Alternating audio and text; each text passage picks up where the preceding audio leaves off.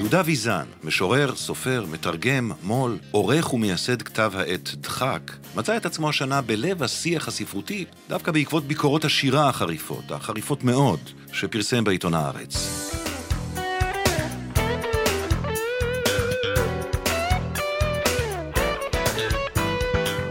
ברוכים הבאים ותודה שאתם מצטרפים אלינו שוב לפודקאסט השמרן, הגות פוליטית למאה ה-21. כאן בנימין שוורץ, עמית מחקר בפורום קהלת. במהלך הפודקאסט נעסוק ברלוונטיות של המחשבה הפוליטית המערבית, נדון במחלוקות העמוקות שבין ימין לשמאל, וננסה להבין מהי חשיבה פוליטית שמרנית, וכיצד היא יכולה לספק תשובות לאתגרים החברתיים, הכלכליים והפוליטיים של דורנו. האורח שלנו היום הוא משורר, מתרגם ועורך. ב-2016 הוא פרסם ספר פרוזה שכותרתו פקח בהוצאת אחוזת בית, שזיכה אותו בפרס שרת התרבות. ב-2019, ממש השנה, פרסם ספר ילדים שנקרא אצל הלל ולילית מהעיר הגלילית. הוא ידוע כמבקר ספרות נשכני במיוחד, וכבר כמה סופרים נכוו מהביקורות שכתב על ספריהם. ביקורות אלו מתפרסמות בכתב העת אה, שהוא עורך בשם דחק לספרות טובה, לצד טקסטים רבים אחרים של שירה עברית, שירה מתורגמת, סיפורת, דרמה, הגות, יהדות, מחשבה מדינית ואומנות. גבירותיי ורבותיי, יהודה ויזן. שלום יהודה וברוך הבא לפודקאסט השמרן, הגות פוליטית למאה ה-21. שלום, שלום. אני רוצה להתחיל קודם כל בנקודה של אה, הקדמה כללית על כתב העת אה, דחק לספרות טובה. זה כתב עת שיש בו עושר רעיוני, עושר טקסטואלי. אם אני מסתכל למשל על uh, תוכן העניינים, יש פה שירה עברית, uh, התוודעות. Uh, שירה ש... מתורגמת, דרמה, הגות, יהדות, מחשבה סיפורת. מדינית, ביקורת, כן, כן, יש ו... כל מה שצריך בכתב עת, כן. וגם מבחינת העושר של השפות שמהם תורגמו הקטעים, למשל, יש פה תרגומים מצרפתית, אנגלית, פולנית, יוונית, לטינית, גרמנית, רוסית, איטלקית, זה... כן, יש... מפעל מכל, גדול. מכל השפות, כן. מתי זה... בעצם עלה הרעיון לייסד את uh, כתב הדחק? שנת 2011. כן. אחרי שכבר ערכתי איזה פנזין עם עודד כרמלי בשעתו בשנת 2006-2007 את כתב העת כתם, ואחר כך קצת mm-hmm. עבדתי עם uh, גבריאל מוקד בכתב העת עכשיו, אשתי דחקה בי, טוב, אתה, אתה אלוף, עושה את זה. וזהו, ואני צייתן. יפה מאוד. אם היא אמרה, אז אני משתדל לעשות הכי טוב. אז מה המוטיבציה שעומדת בעצם מאחורי הפרויקט? יש, יש כמה מוטיבציות, לאו דווקא אחת. אבל בואו בוא נתחיל בהכי אינטימית, הכי פשוטה, ללמוד, פשוט לעצמי. בדרך כלל פרויקטים שלי ממוענים לעצמי, ממוענים אליי. כלומר, אני רוצה לדעת, כמו ש... שאמרת, יש כאן המון שפות, אני רוצה לדעת מה קורה איפשהו. Mm-hmm. אז אני מתחיל לבדוק, מתחיל לחקור. Mm-hmm. אם זה מוצא חן בעיניי, אז אני אומר למישהו, קדימה, בוא, בוא, בוא נרים את הפרויקט. Mm-hmm. אני מגלה המון דברים בארכיונים. מסתבר ש... שאין סוף לזה, יש כל כך הרבה אוצרות, למשל ב... ב... בכל קרח אתה תוכל למצוא מחזות שלמים שנותרו בכתב יד ורק עכשיו מפורסמים. תרגומים, mm-hmm. למשל, של לאה גולדברג, של שלונסקי, של אלתרמן, של צ'רניחובסקי. תחשוב, יושבות יצירות שלמות של האנשים הללו. שלא פורסמו. מעולם, מעולם. ואיפה הן יושבות? בספרייה הלאומית, בארכיון התיאטרון, בארכיון מפלגת העבודה, לא חסרים ארכיונים, כל דפים מסתובבים להם. אבל אה, אתה יודע, הדבר המדהים הוא שלפעמים אתה מוצא שיש ארבעה או חמישה מאמרים על טקסט מסוים, אבל mm. אין את הטקסט, הטקסט הוא רק בארכיון. Mm. אף אחד לא טרח פשוט לשבת ולהקליד אותו. אז אתה בא ועושה שירות גדול לקהילה המחקרית ולחובבי השפה והשירה והספרות? לא לקוראי ספרות. קהילה המחקרית זה גם, אתה יודע מה, כן, למה לא? למה לא? פשוט, אני גם נהנה מאוד מהטקסטים, גם יש איזו חדווה בלגאול כתבים של סופרים עבריים, מקור או תרגום. אני חושב שזה חשוב. Mm-hmm. ובטח בתקופה שיחסית שכונה, זה, זה עוזר קצת. עד עכשיו בעצם תיארת אה, אג'נדה שרוצה לחשוף את הציבור או את הקהל המתעניין בפנינות אה, ספרותיות. אבל מה מעבר לזה? זאת אומרת, מה התוכן אה, שמייחד את הטקסטים שמעניינים אותך, שמתפרסמים בכתב העת, במדורים השונים שלו? האם יש לא, בוודאי. קו מאחד? תראה, קו מאחד על פני אלפי עמודים של כבר 11 כרכים, קשה לשרטט ככה בן רגע. כן. אבל הזיקות הן מאוד ברורות, בוא נאמר. השורה הראשונה שמופיעה בדחק א', זה שהרדיקליזם האמיתי אה, הוא השמרנות. באמת... אלה לא שני דברים סותרים? רק אם אתה תופס את המונח רדיקליות, אם הוא אתה נותן לאקדמיה להפקיע אותו לצרכיה, אבל בוא נדבר אז על קנאות, אוקיי? נקרא לזה הקנאות האמיתית היא השמרנות, אולי זה יהיה יותר נוח וטבעי. ואז אתה יכול להגיד גם מה היחס בין רדיקליות לקנאות. אוקיי. אבל... אז תסביר מה היחס בין קנאות לשמרנות, לדעתך. אהבה גדולה לדבר או שאתה רוצה לשמר, למסורת, אה, ליסודות. כלומר, בין היתר, אחד הדברים שמאפיינים את הטקסטים בדחק, זה היותם חלק מאיזה קאנון מאוד גדול. קאנון שברובו לא היה נגיש לנו, כי לא תורגם עדיין. אלו טקסטים שבהחלט uh, מהווים חלק מאבני הבניין של הקאנון, של התרבות שלנו, mm-hmm. המערבית. זה עניין אחד. כי דחק פה הוא מפוצל. מצד אחד יש באמת דגש על העניין המערבי, אבל גם בכל uh, כרך יופיע או מחקר או כתב יד משירת ימי הביניים או מהפיוט, לצד מדור יהדות. Mm-hmm. כלומר, אני לא חושב שהשמרן העברי בארץ ישראל יכול לנתק את עצמו מן היהדות. Mm. פשוט, למעשה כל מי שמתעסק בלשון העברית, אתה, אתה יוצר, הרי תמיד יש לך את הרפרנס של המקורות, אתה, אתה תמיד... כן. אתה שוקע בתוך המקורות גם אם אתה לא רוצה או אם אתה לא יודע. עזוב שוקע, זה מהלך עליך אימים. אתה מתחיל מנקודה שאני לא יודע אם יש אותה בשפות אחרות, אולי יש, אבל אתה מתחיל מנקודה שבה מה שאתה כותב הוא כבר פחות טוב. Mm. כלומר, השיאים כבר היו. אין מה לעשות, כאילו. ויש להניח שעוד יהיו שיאים קדימה. זו הנקודה היחידה אצלי שתתפוס אותי חוטא במיסטיקה. Mm. זה באמת היחס למקורות העבריים כאיזה משהו שהוא לא, לא מושג כל כך. Mm. זה... ואין שום סיבה להניח שהרמב"ם היה ולא יהיה יותר. לא, הרמב"ם כן, אני מדבר על התנ"ך עצמו. Mm. אם אנחנו חוזרים לעניין הזה של האג'נדה, כן.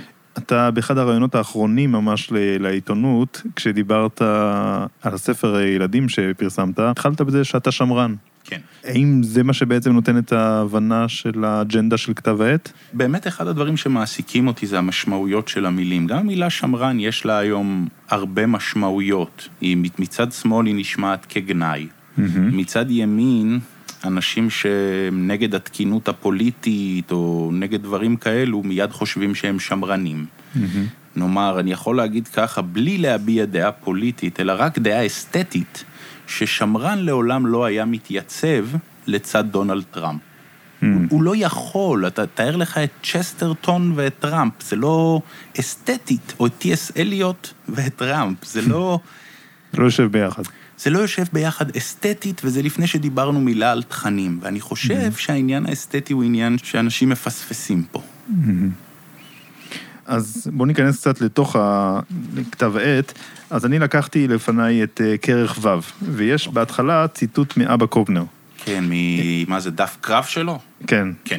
1948, הוא היה קצין תרבות. אני חושב שזה אחרי נפילת ניצנים, זה אחרי איזה הפסד. אוקיי. כלשהו, הוא בא לדבר. באחת ההפוגות. כן. הוא כותב על כך שצריך לצעוד בנחל הדם של הפושעים. כאמפיבים, הוא כותב, בוא נהיה אמפיבים. לא, אמפיבות או אמפיבים? אמפיבות, כי בנחל נצעד, בנחל דמם של פולשים. כן. מה, מה... מה המשמעות בשבילך, בשביל כתב העת, העובדה שהוא מופיע בתחילת הכרך? קודם כל זה טקסט שמאוד מדרבן. זה טקסט מדרבן, זה מדרבן לעבודה. ש... מדרבן לעבודה, מדרבן ל... מדרבן לנקמה, מדרבן להרבה דברים. שוב, זה גם טקסט שמחדד את הסנטימנט שאדם צריך לחוש למול האויב. כלומר, אנחנו נמצאים בעידן שמושגים כמו אויב או איבה הם מושגים מגונים, אשר מערכת היחסים למעשה הפכה להיות יחסים של קורבן ומקרבן. Mm. כאילו ברגע, שאת, ברגע שאתה מנצח בקרב, הופה, אתה מקרבן. הוא כמו משורר גדול, אה, נותן ביטוי לאיבה. בתנ"ך אתה תמצא ביטויים חריפים יותר, ואצל אורי צבי אתה תמצא ביטויים, אבל זה, זה גם טמפרמנט מסוים, זה, זה טמפרמנט שמאוד מאוד חסר לי. וזה נוגע לעניינים שלנו כאן, זאת אומרת, מעבר לשאלה העקרונית הפילוסופית שתיארת, אני מתאר לעצמי שזה נוגע גם לשאלת היחסים בין יהודים וערבים משני צידי הקו המתרס או המאבק הצבאי בין מדינות ערב ומדינת ישראל? לפחות כן. חלק ממדינות ערב. לא, ב- ב- בוודאי, בוודאי, אתה יודע. כלומר, מי שתכיר בו כאויב, יש... יש דרך לטפל באויבים, אתה אומר. כן, צריך להיכנס לאמפיבות שלנו. כן, כן, לגמרי. אני חושב ש... יש מקומות שהם כבר, שהם קיומיים, שצריך לדעת לסמן קו, שיש מקום שבו הדיבור נפסק והמעשה מתחיל. אלו סיסמאות, אבל, אבל אתה יכול להרגיש את האמת בדברים, ו, ולא רק איזה דיבור יפה. הרבה יותר קל לעשות את הדיבור היפה והמתורבת. נכון. אבל אתה יודע, להגיד דברים פשוטים, תראה, אני פחדן גדול, כשיורים מעזה טילים לכאן, הדבר היחיד שאני מייחל בחדר המדרגות זה שעזה תיעלם. לא אכפת לי כלום, רק ש... כי אני יודע שמכוונים עליי, על יהודה ויזן את הטילים הרי. אתה מבין? זו התחושה הקיומית באותו. הרגע. כן. עכשיו, את האינסטינקט הבריא הזה, הראשוני, אנחנו מעדיפים להדחיק היום. ואני אומר, לא, אני מפחד, אני מפחד. אבל למחוק את עזה על כל תושביה? זה גם חלק לא, מהאינסטינקט? אנחנו לא... אתה יודע, אני לא, לא רוצה לתת עצות אה, צבאיות או כאלו דברים. כן. אני, אני חשוך מדי עבור הדברים האלו, זה לא... אבל אה, לא, לא, בוודאי שלא מד- מדובר על רצח עם וזה, מדובר על זה, על לדאוג שליהודה ויזן יהיה בטוח. שהוא ירגיש טוב ובטוח, כפי שאזרח צריך להרגיש במדינתו.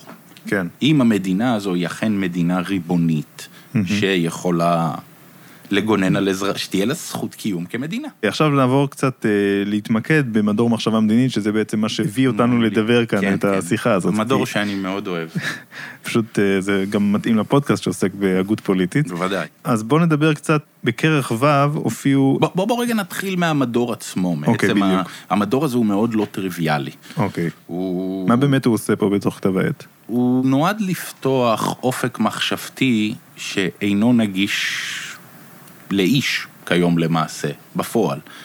אה, דיבור אל מחוץ לגבולותיה של הדמוקרטיה. ממש אה, ב- באחד, ה...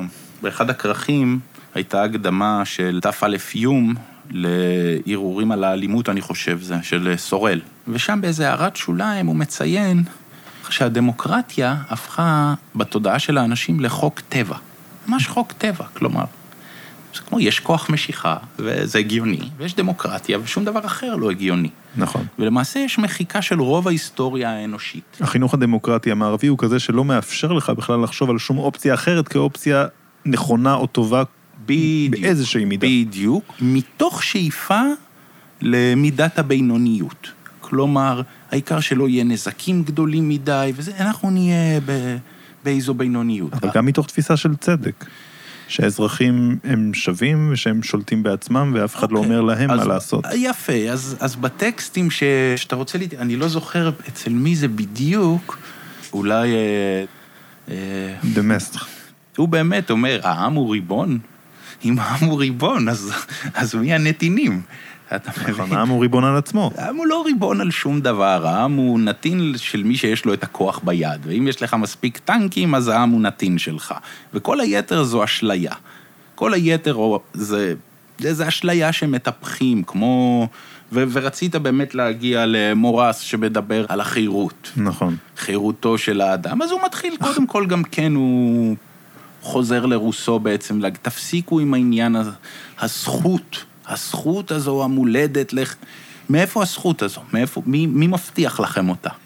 זה, זה, הכל, זה איזשהו עיקרון מטאפיזי. זה, זה עיקרון מטאפיזי שאין לו באמת קיום, אתה מראש אתה נולד לתוך איזו סטרוקטורה שברור שאתה לא ריבון ואתה לא חופשי. והוא הוא שם גולש באמת ל- למי שיש לו את הכוח. הוא מדבר כן, על בעצם מישהו בן חורין, קודם כל אלה רק מעטים בחברה, נכון. ואלה שיש להם באמת את החירות זה אלה שיש להם סמכות. הוא טוען שסמכות וחירות לא מנוגדות זו לזו. נכון, נכון. בגלל שה- ואז הוא חוזר באמת לתפיסות שקיימות אצל הוגה שאני מאוד אוהב, וזה פילמר, אה, האיש והפטריארכיה. כן. הוא מדבר על זה שחירותו של הפטריארך היא גם הסמכות שלו, האבא במשפחה. אבל איפה זה שם את החבר'ה שמתחת לאבא של המשפחה, במדינה, אוקיי? הנתינים אתה של יודע מה, המלך. אני, אני, לצורך העניין, לא בשביל איזו התהוללות פואטית, כן. אני אצטט לך שלוש שורות שאני, משיר שכתבתי לא מזמן ועוד לא פורסם, זה, יש שם משהו כזה. כדי שתוכלי לכתוב שירים ולטייל לך בלילות, אך העיקר שתזכרי מי מעניק לך זכות ללא. אוקיי? עכשיו... מה זאת אומרת? זאת אומרת שבמצב הטבעי, אני עושה במרכאות פה עם הידיים, שאם גבר ואישה נפגשים בלילה, והוא רוצה לעשות משהו, והיא אומרת לא, היא תלויה בחסדים שלו. והמצב הוא לא הפוך. ו- ואלו עובדות טבעיות פשוטות, אף אחד לא בא להיות כאן שוביניסט, אף אחד לא... אגב, את התיאור הנוראי, אתה יודע, מורס קל להגיד, פשיסט, אנטישמי, טה-טה-טה-טה-טה-טה-טם, התיאור שתיארנו כרגע, של רק מעטים בחברה הם בעלי אמצעים ובעלי... בעלי סמכות וחירות. הרי כל לוחם צדק, וימינו יש המון, בעלי הבנקים, רק הם. אתה יודע, המיליונרים, הזה, רק נתניהו חופשי, רק החונטה חופשית. הרי בסופו של דבר הם יכולים להשמיע את אותן המילים בדיוק ממקום אחר, רק שפה זה הרבה יותר מפוקח, פחות היסטרי. הוא אומר לך, כן, זה המצב, נכון, אתה יודע, אם יש לך... וטוב שהוא כזה. זה לא שטוב שהוא כזה, זה לא עניין של טוב או רע, זה אין ברירה. Mm. כלומר, אנחנו נתונים בסופו של דבר לחסדיו של הריבון. Mm-hmm. אפשר להגיד... אה, שב... אבל גם הריבון נתון לחסדינו, יאמר הדמוקרט. יאמר גם הלא דמוקרט. יאמר, אני, אני אומר לך שיאמר גם הלא דמוקרט, הרי המלך רוצה לחיות. Mm. אתה מבין? וההיסטוריה ידעה להיפטר גם אה, מעריצים נוראיים. צ'ארלס הראשון, אה, לואי השישה עשר. לא חסרים ברומא ותלך, ואתה יודע, לא חסרים מלכים שגרונם שוסף, אבל... אבל אז זה מוביל לחוסר יציבות מאוד גדול. הרי... בשונה מן היציבות הגדולה שיש לנו כרגע? הרי הטענה של המונרכיה היא שהמלך הוא מאוד חשוב בגלל שהוא מעניק יציבות. גם את הטיעון הזה מצאתי בין דפי כתב העת. נכון, נכון. מעניק יציבות, אתה יודע מה, קודם כל נתחיל מהעובדה הפשוטה שהוא גורם מאחד ולא מפלג. שוב, אנחנו נתעסק נכון, במילים, המילה נכון. מפלגות מורה על נכון, כך שיש נכון, פילוג. הדמוקרטיה מטבעה באה ומפלגת את העם. בהכרח. אין... אין דרך אחרת לכן, לנהל את המדינה. לכן האמירה הידועה לשמצה, הערבים נעים לקלפיות. נוהרים. נוהרים. מה אמרתי שהם? נעים. נעים, נעים, זה עוד יותר זה. הערבים נוהרים לקלפיות, נראית לי כאמירה טבעית שהדמוקרטיה מייצרת. כפי שיש הסתה פרועה נגד החרדים, כפי נכון. כל צד, למעשה, תוקף את הצ... העם נזרק לתוך איזה זירת בוץ, mm-hmm. ומי שמצליח להשניא פלג אחר יותר, הוא, הוא הזוכה. אני לא, לא מבין מה טוב בזה, או מה גורם ליציבות. אבל זה נכון שמלך אה, יכול להוביל אותנו לדברים מאוד מאוד טובים. נכון. אה, אם כבר אנחנו מזכירים את הטענה הזאת, זו טענה שהיא מנותחת בצורה מאוד יפה באחד המאמרים של אה, פרידריך הגדול, פרידריך הגדול. שהובא כאן בדחק. שהוא אומר שהמלך יכול להיות הדבר הטוב ביותר ויכול להיות גם הדבר הגרוע ביותר. נכון. משום שהמלך, אם הוא פועל כפי שפרידריך חשב שהוא צריך לפעול, שזה מתוך טובת הכלל, שזה מתוך ראיית עצמו כמשרת הראשון של המדינה, מלך נאור וכולי. נכון. אז הוא יהיה טוב. אבל ככל שהמלך לא יהיה פעיל וייתן לשרים שלו להיכנס במקומו, כאשר כל אחד מהם בעצם גם מהווה סוג של דוגמה לחוסר יציבות, כי כל אחד מחליף את השני וכל אחד רוצה להראות שהוא זה שעשה. אגב, זה מעניין, פרידריך אומר לך, ככל שהמלך הוא שולט יותר חזק, הוא יותר טוב. הוא יותר טוב. כי הוא יותר מעורב, וה... נכון. והמדינה קרובה לליבו יותר מאשר לליבם של השרים. אבל באמת זו חוכמה קטנה מצידי להביא את פרידריך, כי אולי הוא באמת אחד המלכים היותר מקובלים, כמונרך נאור. נכון. אבל גם שוב, אתה יודע, אם אתה מסתכל, אני כבר לא זוכר באיזה מהמאמרים בדחק זה היה, אבל היה מי שטען שעוד לא קם, יכול להיות שזה היה סטלין. עוד לא קמה שכבה שפשוט ויתרה על הכוח שלה. כלומר, אני לא יכול להבין היום, גם אם תקום איזושהי קונסטלציה אחרת שאינה דמוקרטית, יהיה מאוד מאוד קשה לעורר את ההמונים, את ההמון, מתרדמתם. Mm. כלומר, לך תיקח להם, זה כמו שתמיד יש את התנועה הפמיניסטית, שתמיד ההישג הגדול שלהם זה זכות הבחירה לנשים. Mm. הישג גדול הרבה יותר, אם הם היו לוקחות גם מן הגברים את זכות הבחירה. אתה מבין? אתה מבין? זה היה הישג. אבל לא מתוך נקודת מבט דמוקרטית. בדיוק. אבל תשמע, בכל מקרה, נקודת מבט שאינה דמוקרטית, כנראה שאינה מתקיימת מחוץ לדחק. עכשיו, אבל השאלה עד כמה אתה הולך רחוק עם המונרכיה, כי יש אה, ראיון שאתה ראיינת אה, רוזן טולסטוי, נכון? שהוא ראש ניקולאי האגודה. טולסטוי, ראש הליגה המונרכיסטית. הבינלאומית, איזה שם מפולצן של כל מיני יורשי עצר לשעבר שכבר קנו ארמונות בכל מיני ערים. אני מאוד התאכזבתי ממנו בריאיון. אה, התאכזבת? הוא, הוא, כן, הוא... הוא בסך הכל אה, מונרך מתון. זהו, הוא, אני- לא, אני הוא ראיתי- רוצה נשיא, הוא ראיתי, רוצה אני נשיא נוסח ש... ישראל. אני ראיתי דרך הנימה של השאלות שלך בריאיון שאתה לא מרוצה מהתשובות, כי הוא אומר, הוא בעד מונרכיה חוקתית כפי שיש היום בבריטניה. אין, אין ואתה בברית- רצית ללכת צעד אחד נוסף. נכון. בבריטניה, לא, מה זה צד אחד נוסף? בבריטניה יש אתר תיירות שנקרא משפחת המלוכה. Mm. זה התפקיד העיקרי שלו. אין להם שום כוח ממשי. אז אה, אם הוא רוצה סמלים ומסיבת תחפושות וכל מיני כאלו דברים, אז בסדר, זה, זה גם חלק מהאסתטיקה שדיברתי עליה, ו, וזה לא לגמרי בלתי שייך, כי אחד הדברים, אתה יודע, נקודה, אחת מנקודות השבר, ואני זוכר את זה כילד, מה שגרם לי לא לאהוב את הדמוקרטיה בין היתר, זה שנדמה לי שזה היה ניסים משעל, מהמם. צועק בטלוויזיה על אהוד ברק. משהו שכזה. ואמרתי, רגע, איך יכול להיות אבל שהעיתונאי צועק על ראש הממשלה בטלוויזיה? מהמם. מה זה? ואתה יודע, וכמו שאני שומע כל מיני, הוא עובד אצלי, הוא לא עובד אצלך. אני, אני לא...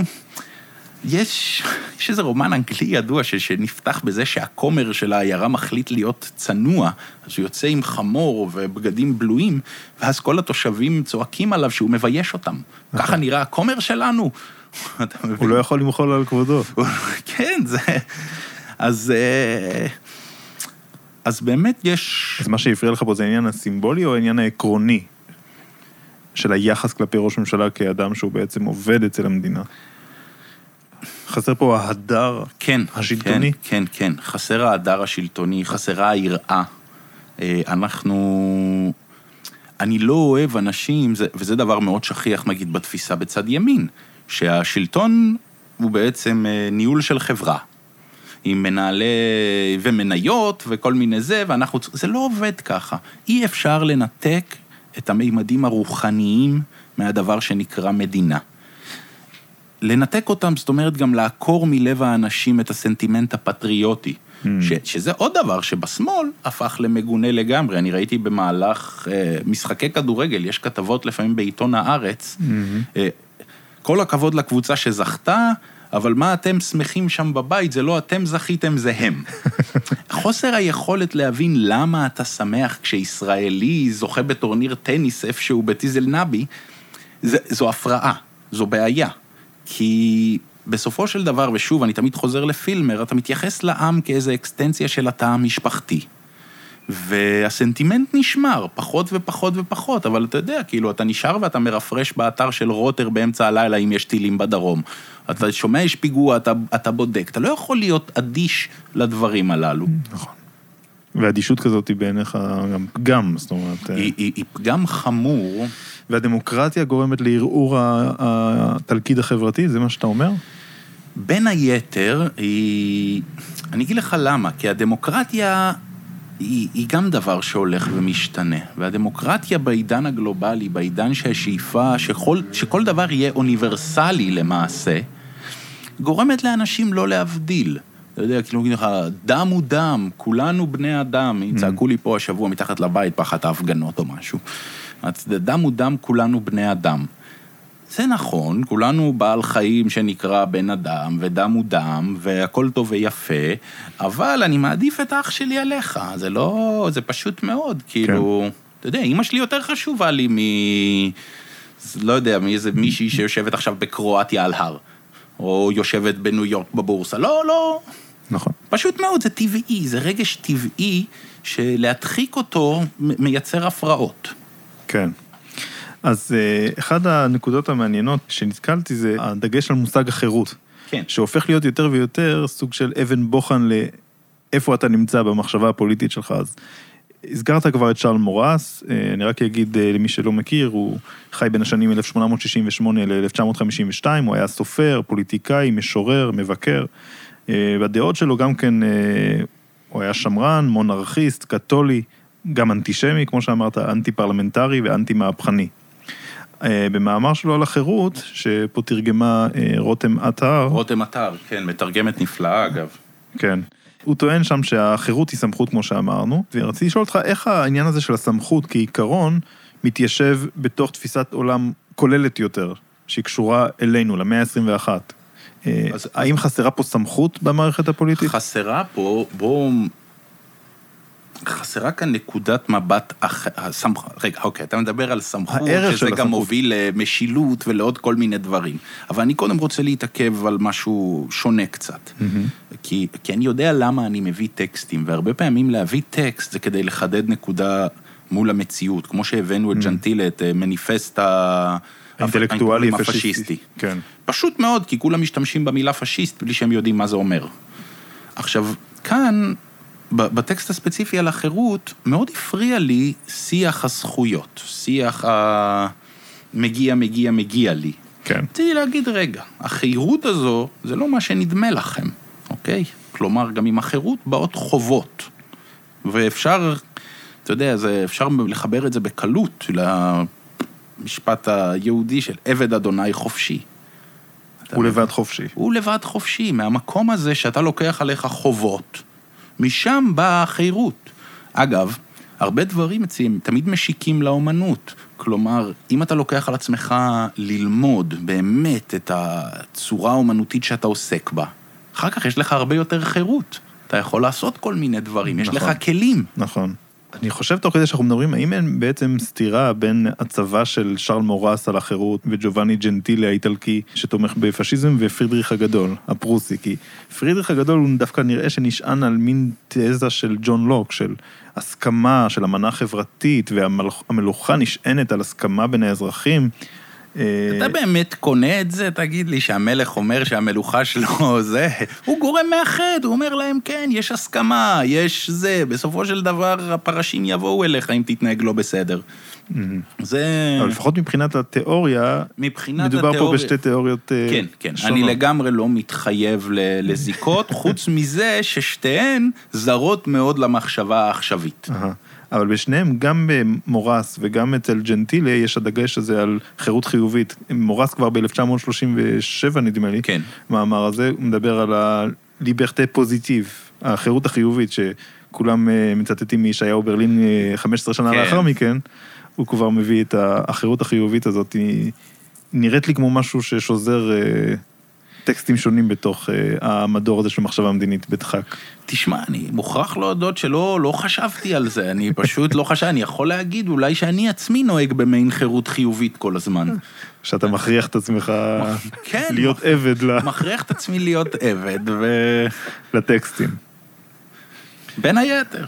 אוקיי, אז במעבר אחד מהמאה ה-18 למאה ה-20, כן. ולמאמר של הילר בלוק האנגלי-צרפתי, שחי בין השנים 1870 עד 1953, הוא היה נואם, משורר, חבר פרלמנט בריטי, ואתה הבאת פה מאמר שלו, בין היתר הוא גם כתב המון, הוא כתב למעלה מ-150 ספרים, ואתה תרגמת את המאמר שלו. אני עכשיו נזכרתי בדיוק במכתם קטן שלו, של בלוק, שגם אוקיי. תרגמתי פעם, זה ככה, אבן עזר החיוור אמר, המלחמה מיותרת, אך ביל השואג שהרגו חשב אחרת. זה סוג של ריאליזם. אה, כן, כן, פשוט ככה, אתה יודע, והוא, אה, במאמר שתרגמת... זה נקרא אגב הפציפיסט, המכתם הזה. במאמר שתרגמתי על המלך זה נקרא, נכון? כן, אני לא. זוכר את השם של ה... כן, זה פשוט נקרא המלך. אוקיי. אז uh, הוא שם מדבר, uh, נותן ביקורת מאוד uh, גדולה על הדמוקרטיה, ויש לו טענה גם פרובוקטיבית לכאורה, שמתאימה לקו שאתה מוביל, שראוי לחזור למונרכיה, והמשפט האחרון שלו, ממש הרגיש לי כאילו הוא רומז שלא רק שזה ראוי, אלא זה בהכרח יקרה, כי זה האופי של החברה. טוב, זה תפיסה קלאסית של גלגול שיטות משטרים. ה, של, של המשטרים. מה שכן מאוד מעניין דווקא, שמצא חן בעיניי במאמר הזה של בלוק, זה שהוא ממצב את המונרך כמי שאפשר אה, להפנות כלפיו אצבע מאשימה. הוא אומר, אה, כיום אם יש מחסור בבירה, אז אנחנו אומרים לנו, הפקיד הזה והפקיד נכון. הזה והפקיד הזה, המלך אשם, אין בירה. נכון. אז, אה, ו, ראיתי את זה גם אצלו וגם במאמר נוסף מהמאמרים האלה. הרעיון הזה שבדמוקרטיה המערכת היא אנונימית, המדינה היא המדינה. זה, זה גוף ש- מופשט. כשיש בעיות שאנחנו מזהים, אנחנו לא יודעים למי לפנות, כי ראש הממשלה, רגע, הוא רק ראש הממשלה, יש, יש היועץ המשפטי לממשלה, יש בית המשפט העליון, יש הכנסת, בדיוק. יש הוועדה הזאת, יש הצבא, יש הרמטכ"ל, יש הנשיא.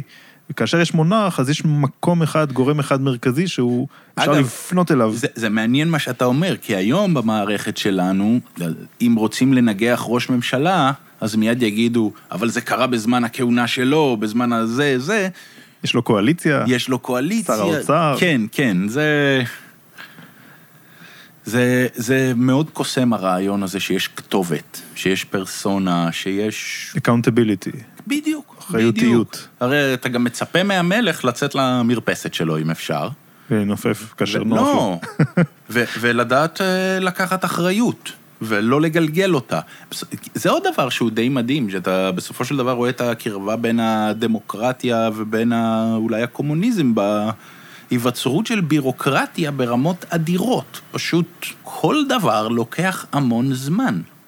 כל דבר מצריך עוד ועוד בירורים ועוד ועוד, ולמה? כי חושדים, מנ... מפחדים מנראות, ומפחדים מזה, ומפחדים...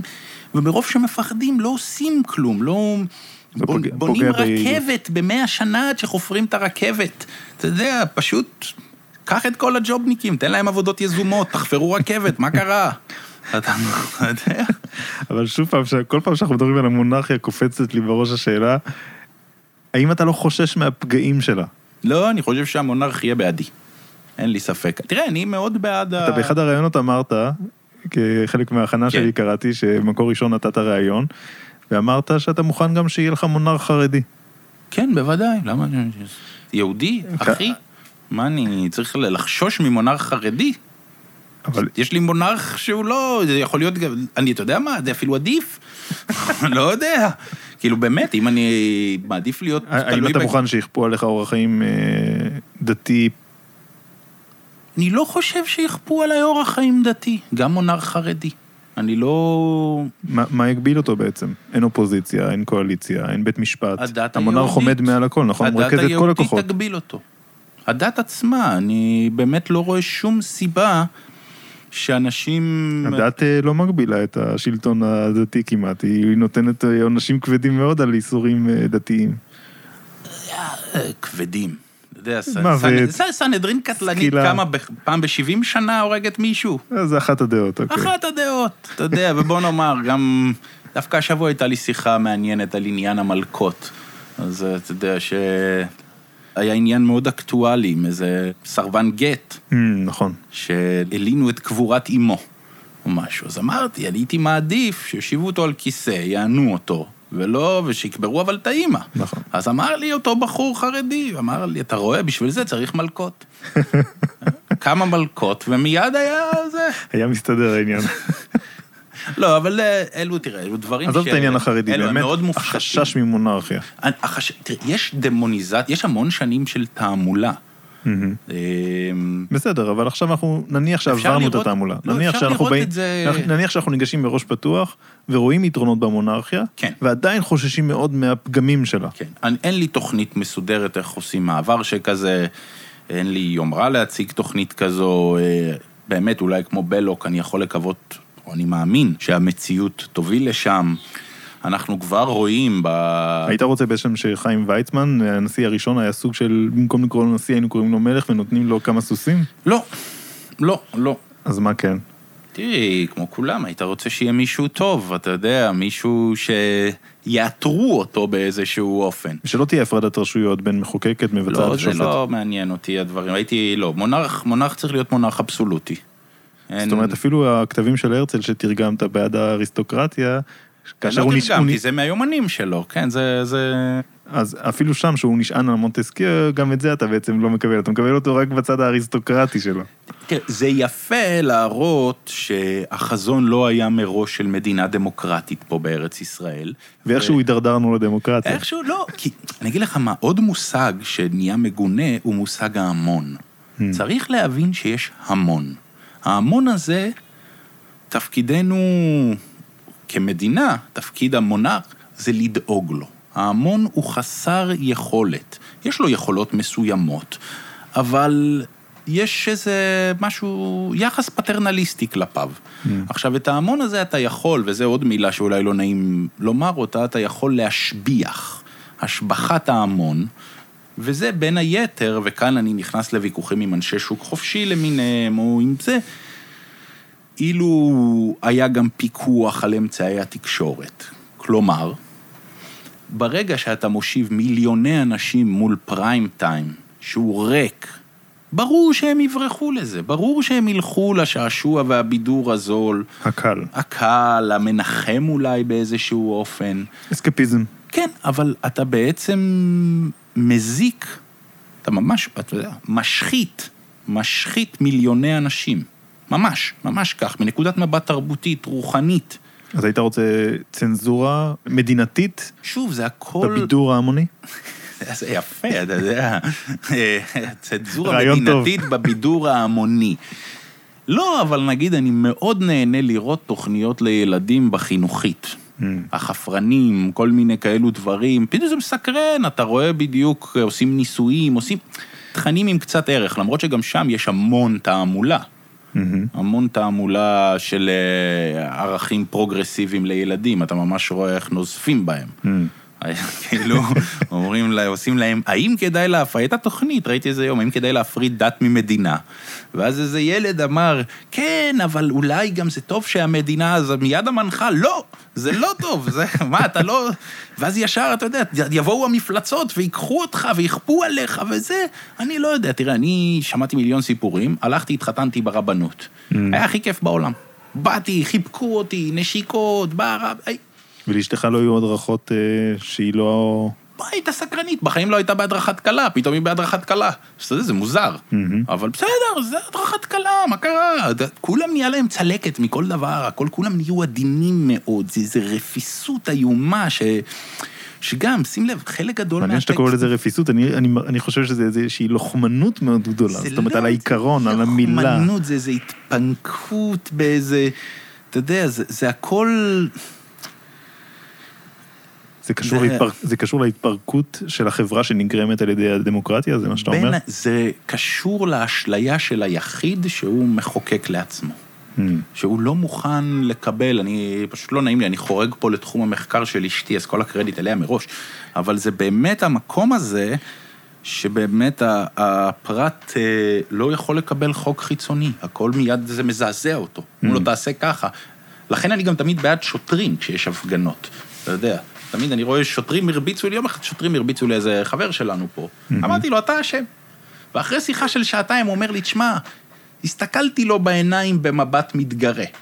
אמרתי לו, אז למה? השוטר זה, זה הזרוע, זה מייצג את המדינה, הוא מייצג אותך, הוא הכוח, הוא, הוא בעצם היד שמגשימה את כל המבנה הזה.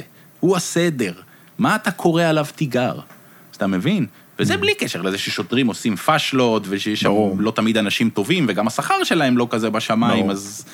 אבל עדיין, עצם מה שזה מי... אני לא, לא מבין את הבוז אל מי שמייצג את החוק. אני mm. לא, לא חש את הבוז הזה, להפך. כן. אני מבין שהאנשים הללו מתמודדים עם הדברים הכי קשים שיש. נכון. כי בסוף, וזה מחזיר אותנו להתחלה, למי יש את הטנקים, למי יש את זה, בסוף צריך לשלוח מישהו עם יד שיתפוס את הפושע ביד, נכון. ו- וישים אותו מאחורי סורג ובריח. ויסתכן במהלך הדבר הזה.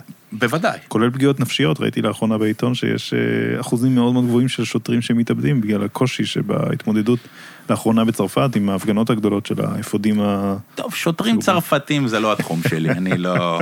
בכלל צרפת זה, okay. זה עוד אוקיי. אחת מהצרות שלנו. אוקיי, okay, אז... אה, אם אנחנו ניגשים לקראת הסיכום של השיחה, אז רציתי לשאול אותך איך הרעיונות הללו של חירות חיובית אצל מורס, פשיזם אצל ג'נטילה, מונרכיה נאורה של פרידריך הגדול ומונרכיה במאה ה-20 של אה, הילר בלוק, איך כל הדברים האלה חוברים יחד ליצירה של תמונה שמבהירה לקוראים אולי אה, מה הקו של המחשבה המדינית שמוביל לכתב העת דחק. כלומר, שכתב העת דחק, כפי שהוא נוהג בספרות, כך גם, הוא לא דמוקרטי, פשוט מאוד. זה כמו שכתוב, ב, אני חושב שאנחנו כתב העת היחידי שכתוב בשער שלו, המערכת אינה מקבלת כתבי יד. לא לשלוח לנו, אם אני רוצה מישהו, אני פונה אליו. אתה, אתה מבין? זה... זאת אומרת, אתה לא רק מאמין, אלא גם מיישם. אני מיישם במסגרת החירות, אפרופו החירות. אתה הסמכות של העורך. כן, החירות החיובית שלי להגיד, חבר'ה, תפסיקו לשלוח לי דברים למייל, אנחנו נתקשר אליכם. יפה. וחוץ מזה, לפתוח באמת אפשרות לאנשים, אפילו, אתה יודע מה, להיתקל בטקסטים הללו. אני בהתחלה נתקלתי בחלקם בספרים של, במבואות, אצל זאב שטרנל. Hmm. כל הזמן אתה רואה, הוא מביא לך את הכל, אני קורא טקסטים שנראים לי נפלאים, והוא כותב עליהם דברים רעים. אני אומר, הוא לא נורמלי. הוא לא, הוא לא מזהה שטקסטים על הפסיכולוגיה של ההמון, של גוסטב לבון, אני חושב שהוא באמת, אתה יודע, הוא מדבר, ההמון מושפע מתמונות. זה, זה משפט נפלא. נכון. זה, זה, זה מסכם את כל מה שקורה עכשיו. אתה יודע, אתה מסתכל על מה שקורה בארצות הברית, נגיד, הנה, קח למשל, לכן גם אני, אצלי אין כל כך הבדל בין שמאל לימין, במובן הזה שזה, אני רואה את טראמפ ואת אובמה. Mm-hmm. האחד הוא כוכב בידור בפוקס, והשני הוא כוכב בידור ב... CNN. ב-CNN, זה הכל, זה שתי תוכניות טוק שואו שונות, זה, אבל הכל הפך לבידור. אז בעצם כתב העת חק מביא לאלטרנטיבה. מבידור ל... לעיון, עיון רציני ומחשבה שהיא לא תמיד נעימה. והרבה פעמים אתה צריך להישיר מבט לתוך המציאות, כמו שנתתי את הדוגמה בהתחלה על הגבר ואישה ביער, אין מה לעשות, הכוח נמצא במקום אחד ולא במקום השני, וזה מכונן סדרי עולם. אני יוצא מתוך השיחה בתובנה קצת אחרת ממה שנכנסתי אליה, זאת אומרת, כן, יש פה קו מונרכי מאוד אה, מובהק, אבל א', הוא לא בא ל... תוכנית מעשית סדורה נכון. שכאן ועכשיו, במובן מהפכני כזה. אין, אין לשב"כ וגם... ממה לחשוש כרגע, אנחנו לא מתאגדים, אין לי מי להתאגד. זה א', וב', גם מבחינה עקרונית אתה פתוח למחשבה על איפה לוקחים את זה. זאת אומרת, תמיד... זה יותר נקודה שהיא פותחת שיחה חדשה מאשר גומרת אותה. ברור, ברור. כל העניין הוא בכלל לפתוח כיוונים ולא ישר, הרי הכי קל היה להקים כתב עת אה, סוציאל דמוקרטי, או כתב עת אה, ימין מתנחלי, ויש לך... לא. פה כל פעם מגלים טקסטים חדשים, עוד נקודות, ונקווה שנצליח ללמוד משהו מזה וקצת לאזן את התמונה הכוללת, הרופסת מאוד שמתהווה. תודה רבה, יהודה. שמחתי מאוד. שמחתי מאוד.